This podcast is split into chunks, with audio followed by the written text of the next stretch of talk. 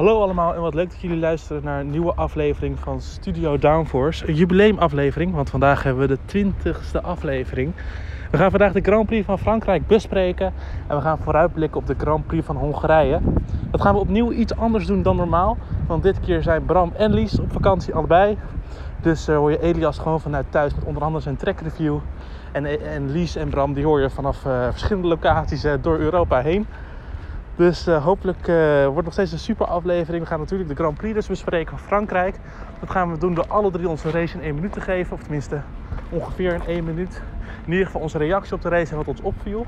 Daarna hebben we het geruchtcircuit, waar we natuurlijk gewoon alle roddels bespreken. En die komen natuurlijk nu weer een beetje op door het season. Dus dat zit als je bommetje vol. En tot slot gaan we ook vooruitblikken op de Grand Prix van Hongarije. De laatste voor de zomerstop. Het zal weer een feestje worden, een Nederlands feestje denk ik ook wel. Laten we snel beginnen met deze aflevering.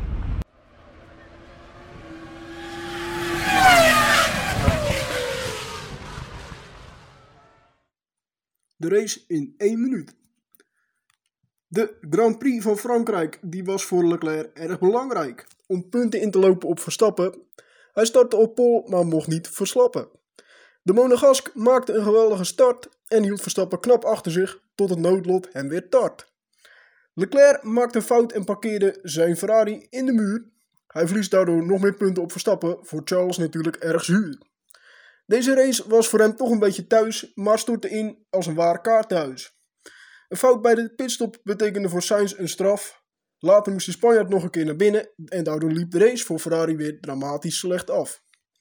Joe tikte Mick Schumacher van de baan. Alpine wist in gevecht met McLaren dankzij Alonso genadeloos toe te slaan. En in gevecht met Perez werd Russell boos. Haas eindigde de race puntloos. Perez zat te slapen bij de herstart. En Russell profiteerde en hoefde niet naar de steward. Mercedes was de lachende derde en eindigde op het podium met twee man. Lewis Hamilton die liet in Frankrijk zien dat hij het nog steeds kan. De grote winnaar was Verstappen, die won. En het wereldkampioenschap verdwijnt voor Leclerc daardoor als sneeuw voor de zon.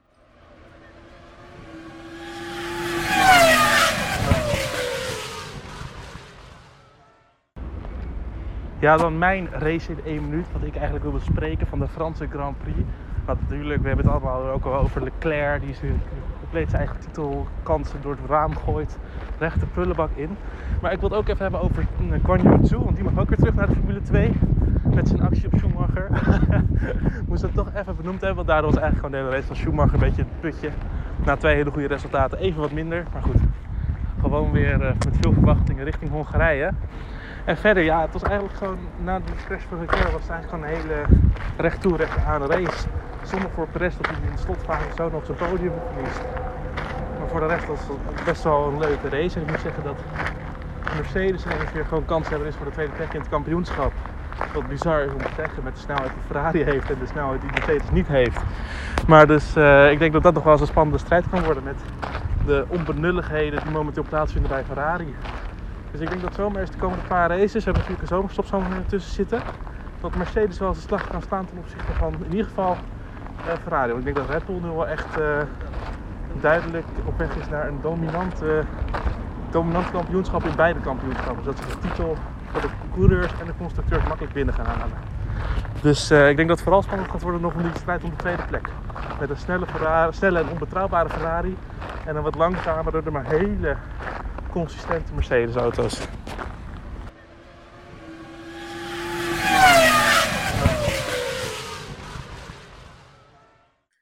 In mijn terugblik wil ik het uh, net als Bram uh, even hebben over Red Bull en Ferrari en de strijd tussen Verstappen en Leclerc. Maar ik wil het ook even hebben over de verrassingen uh, tijdens de Grand Prix van Frankrijk. Allereerst Mercedes natuurlijk met twee man op het podium. Knap gedaan. Wel een beetje geluk natuurlijk door uh, wat gebeurtenissen in de race bij Ferrari en Red Bull. Ferrari natuurlijk Sainz, die moet achteraan starten vanwege een motorwissel. Perez die had een wat mindere race en Leclerc crashte natuurlijk. Dus een beetje geluk bij die podiums, maar knap gedaan. Dan Alpine, ja ook knap gedaan. Met Alonso op plek 6 geëindigd voor de McLaren's. En dankzij hem en Ocon natuurlijk, die ook uh, in de punten finishen. Uh, gaan ze over McLaren heen in het constructeurskampioenschap en staan ze op plek 4. Dan ja, Alfa Romeo had een minder weekend. Uh, Joe die tikte Schumacher aan. Was een fout van Joe, overduidelijk. Dan ja, Alfa Tauri ook weer een minder weekend. Ook voor thuis coureur Pierre Gasly natuurlijk, die zal balen van deze race. Ja, en Alfa Romeo lijkt ook een beetje in te kakken qua pace, zoals ik al zei. Maar ook niet het enige Ferrari-team, zeg maar, dat met klantenmotoren rijdt. Ja, ook Haas viel tegen. Nul punten. Eh, Magnussen die met een nieuwe uh, motor startte achteraan. Maar ja, die viel ook uit. En dus uh, ja, twee Ferrari teams met een krachtbron van Ferrari eigenlijk.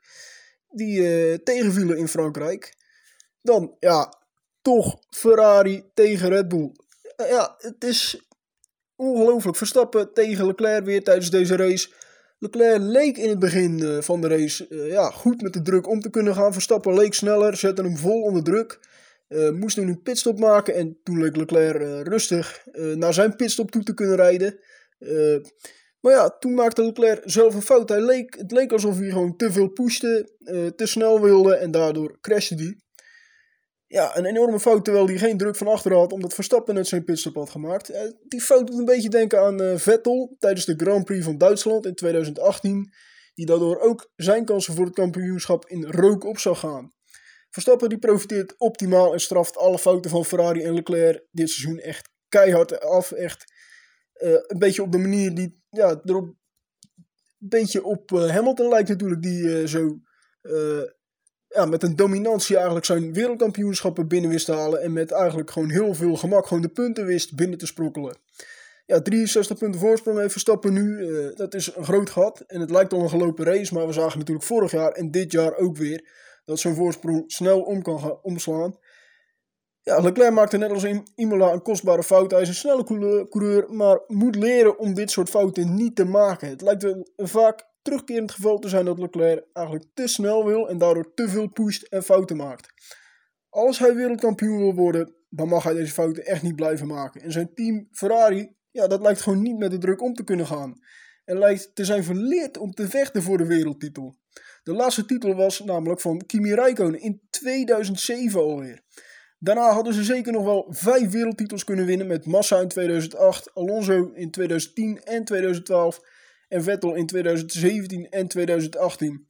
Soms kwam er wat pech bij kijken, natuurlijk met Massa bijvoorbeeld in 2008 en Alonso in 2010 en 2012. Ja, vaak maakt Ferrari zelf gewoon de fouten en daar lijken ze bij de Italiaanse renstal niet van te leren. Ze lijken dat killer instinct en die winnersmentaliteit te missen, ondanks dat de Italianen zo vaak zo trots zijn uh, als ze winnen. Maar het is ook een chaos waar de paniek gewoon snel toeslaat. De motor die is ook nog steeds onbetrouwbaar en laat Leclerc en Sainz gewoon te vaak in de steek. Waardoor het team eh, kostbare punten heeft verloren in de strijd met Red Bull. 63 punten achterstand op Verstappen en 82 punten achterstand op Red Bull goed maken. Ja, dat lijkt uh, een mission impossible te worden voor Ferrari in het resterende gedeelte van dit seizoen.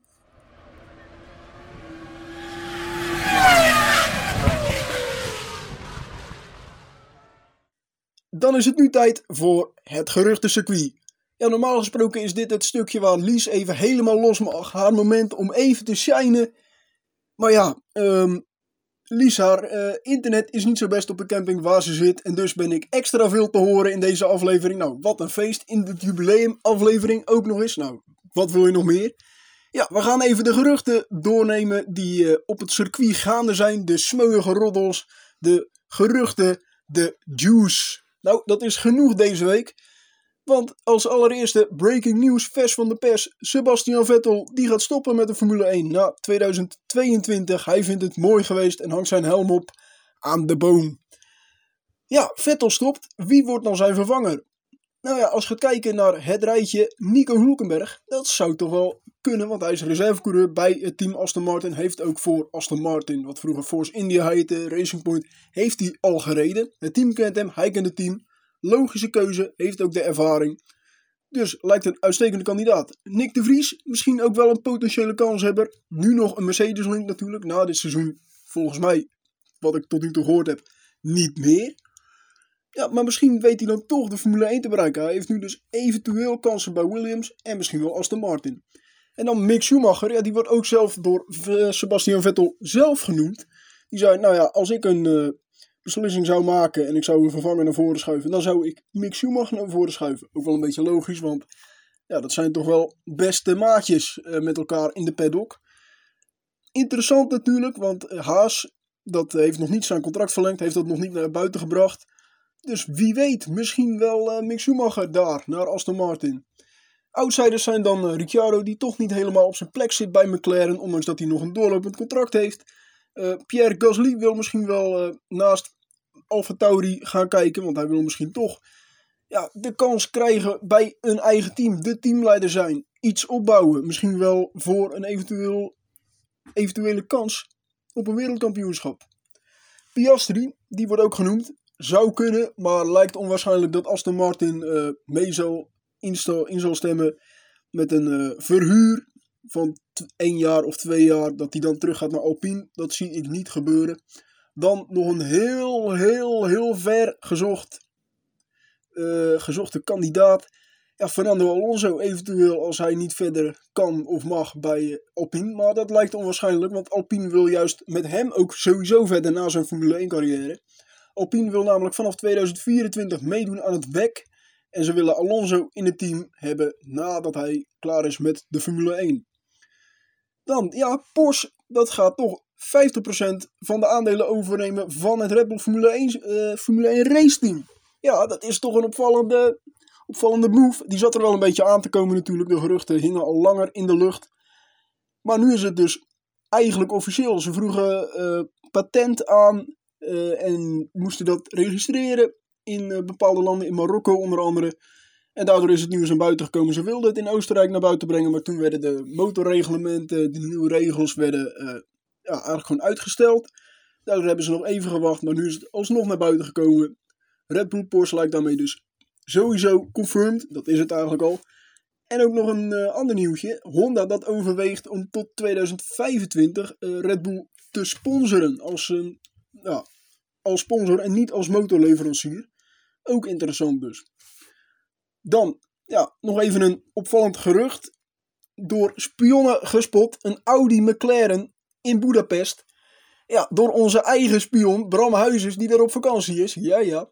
Hij zag in een winkelstraat een Audi staan in het oranje-blauw van de Gulf livery die McLaren heeft gebruikt en zag daar ook nog het logo van Lando Norris op staan. Ja, dat is wel interessant. Misschien wel McLaren Audi daarmee ook confirmed. Of wordt het dan toch Audi Sauber? Of misschien allebei. Dat Audi Sauber overneemt, maar ook een, uh, ja, een samenwerking aangaat met McLaren. Interessant in ieder geval. Dit waren de geruchten voor deze week. En volgende week natuurlijk weer genoeg om over te praten.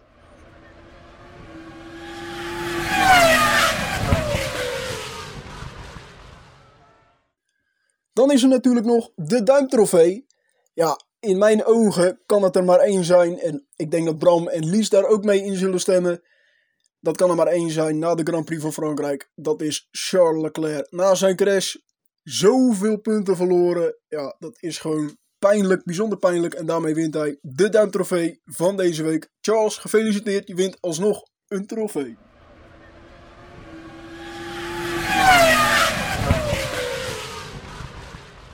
de trackreview van Hongarije. De Grand Prix van Hongarije die vindt dit jaar weer plaats natuurlijk op de Hungaroring in de buurt van Budapest. Sinds 1986 wordt daar de Grand Prix van Hongarije gehouden. Het is het enige circuit van uh, Hongarije dat een officiële race voor het Formule 1 wereldkampioenschap heeft gehouden. In 1937 was de eerste Grand Prix van Hongarije, maar toen was het dus nog geen officiële race voor het Formule 1 wereldkampioenschap. Daarna werd er pas in 1986 weer gereisd in Hongarije, toen dus uh, al op de Hungaroring en nu tot op de dag van vandaag nog steeds. Het circuit zelf dan. Het heeft een lengte van 4,3 kilometer. Het is een uh, korte, bochtige ronde met 14 bochten en eigenlijk maar één echte inhaalmogelijkheid op het rechte stuk bij start-finish.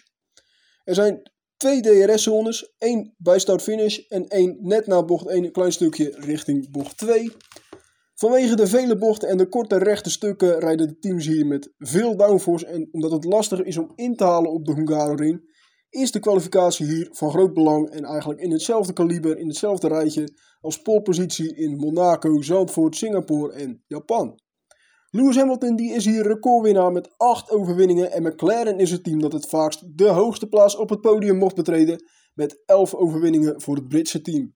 De laatste keer dat Ferrari overigens won in Hongarije, dat was in 2017. Met Vettel die namens de Scuderia won. En Ricciardo pakte de laatste overwinning van Red Bull hier. Dat was in 2014. De eerste race eh, in Hongarije toen voor het hybride tijdperk. In de geschiedenis van de Grand Prix van Hongarije zijn er genoeg memorabele momenten op te noemen. Zoals de hectische race van vorig jaar natuurlijk. Toen Bottas besloot om even te gaan bowlen in de eerste bocht. Het was chaos. Uh, fantastische race, was ongelooflijk spannend. In 2020 wist Verstappen nog een podium te halen in een regenrace nadat hij in de ronde na de grid crashte. En zijn team maar ter nauwe nood op tijd de schade gerepareerd had voor de start. En hij pakte dus uiteindelijk nog de tweede plaats achter, uh, achter Hamilton. In 2019 was er de eerste pole voor Verstappen en een spannend duel in de race tussen Hamilton en Verstappen. Dat uh, wist uiteindelijk Hamilton in zijn voordeel te beslechten. Die overwinning pakte hij net voor de neus van Verstappen af. Bocht 1, dat is de plek waar de meeste inhaalacties plaatsvinden, zoals ik net al zei. Uh, en dat zorgt ook voor botsingen, zoals Bottas in gevecht met Ricciardo in 2018 was dat. Ook was er een crash van Hulkenberg in zijn Force India tijd toen zijn voorvleugel, die al een beetje schade had, afbrak aan het einde van het rechte stuk, waardoor de Duitser met een hoge snelheid de muur inknalde van bocht 1.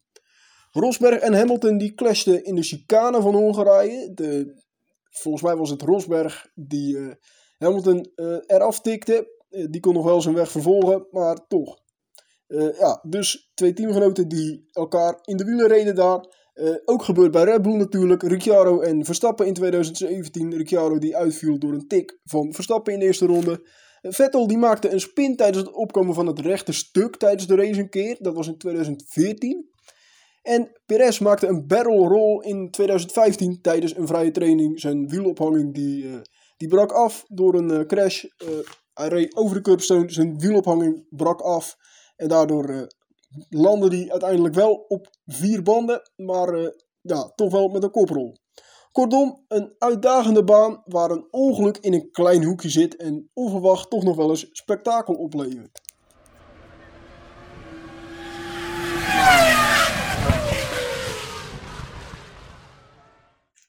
Dan is het natuurlijk tijd voor onze voorspellingen. Ik ga voor in de kwalificatie voor Leclerc op 1, Sainz op 2 en Verstappen op 3. Ik denk dat Ferrari, zeker, dat hebben we gezien, dat Ferrari gewoon in het bochtige gedeelte van circuits gewoon sneller is. Dus ik denk dat uh, deze, ja, deze baan, waar downforce gewoon heel erg belangrijk is, dat Ferrari daar uh, een goede kans maakt voor de overwinning en om punten ja, goed te maken op Verstappen. Ik denk dus Leclerc en Sainz op 1 en 2, dan Verstappen op 3 in de kwalificatie. Denk ik dus. Uh, dan in de race, ik denk dat er wel genoeg gaat gebeuren. Ik denk Leclerc, die eindigt denk ik wel op de eerste plaats. Maar ik denk dat Verstappen in de race toch de tweede plek weet te behalen. En ik denk dat Hamilton toch gaat verrassen. En tijdens de race gewoon de derde plek pakt en het podium complimenteert.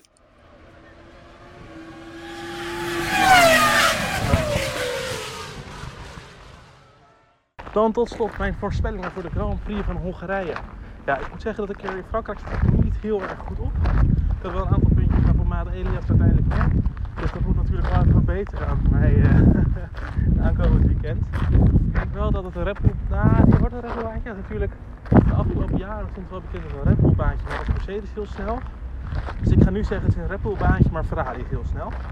Dat zei ik over Frankrijk ook. Nou, dat is uh, niet helemaal uitgekomen, om het zo te zeggen.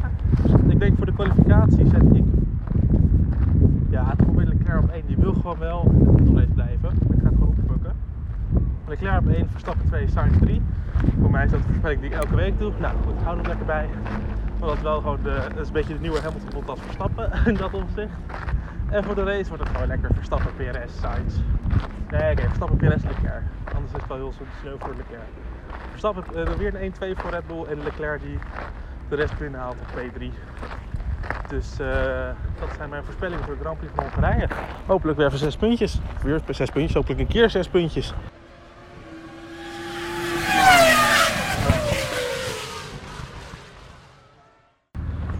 Dat was hem dan, de 20e aflevering van Studio Downforce, waarin we terug gaan blikken op de Grand Prix van Frankrijk en vooruit zijn gaan blikken op de Grand Prix van Hongarije. Volgende week zijn we er weer met een terugblik op de Grand Prix van Hongarije. En ja, vooruitblikken op eigenlijk helemaal niks. Want daarna hebben we de zomerstop en is een paar weken stil in de Formule 1. Dus eh, in ieder geval volgende week nog een aflevering waarin we lekker gaan terugblikken. Tot dan!